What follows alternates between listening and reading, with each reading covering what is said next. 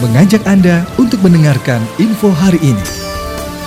PLT Bupati Bekasi Ahmad Marjuki hari ini melangsungkan apel pagi sekaligus lepas purna tugas di lapangan Plaza Pemda Kabupaten Bekasi. Apel pelepasan PLT Bupati Bekasi sisa masa jabatan 2017-2022 dihadiri oleh para SKPD dan aparatur sipil negara. Marjuki berharap agar PJ Bupati Bekasi dapat melanjutkan program kerja yang belum selesai, serta masyarakat pun ikut mendukung program kerja penjabat Bupati Bekasi yang baru. Saya berharap ke depan Bapak Ibu juga terus mendukung program-program pembangunan di Kabupaten Bekasi tanpa melihat siapa pemimpin Bapak Ibu sekalian. Itu yang harus dipertahankan. Profesionalitas yang sangat saya banggakan itu harus dipertahankan.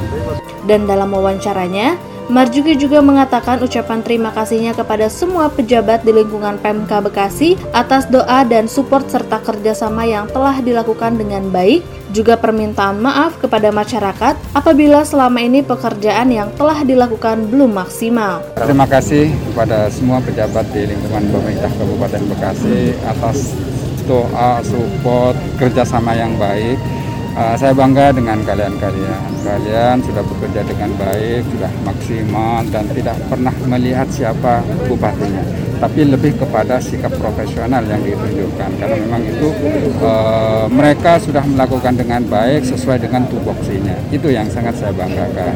Kenapa tadi saya agak sedih itu bukan sedih karena apa ya? Karena tapi karena saya bangga membayangkan kerjasama yang sudah terjalin baik itu. Mudah-mudahan ke depan bisa uh, kita bertemu lagi.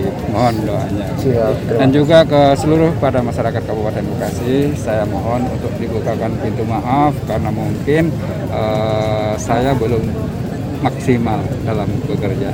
Setelah apel selesai, Ahmad Marjuki didampingi istri disambut lengser untuk berkenan menaiki delman yang akan mengantar berkeliling di area Plaza Pemda memberikan lambaian hangat kepada para ASN yang sudah memenuhi bahu jalan untuk menyampaikan terima kasih atas pengabdiannya selama menjadi pemimpin di Kabupaten Bekasi.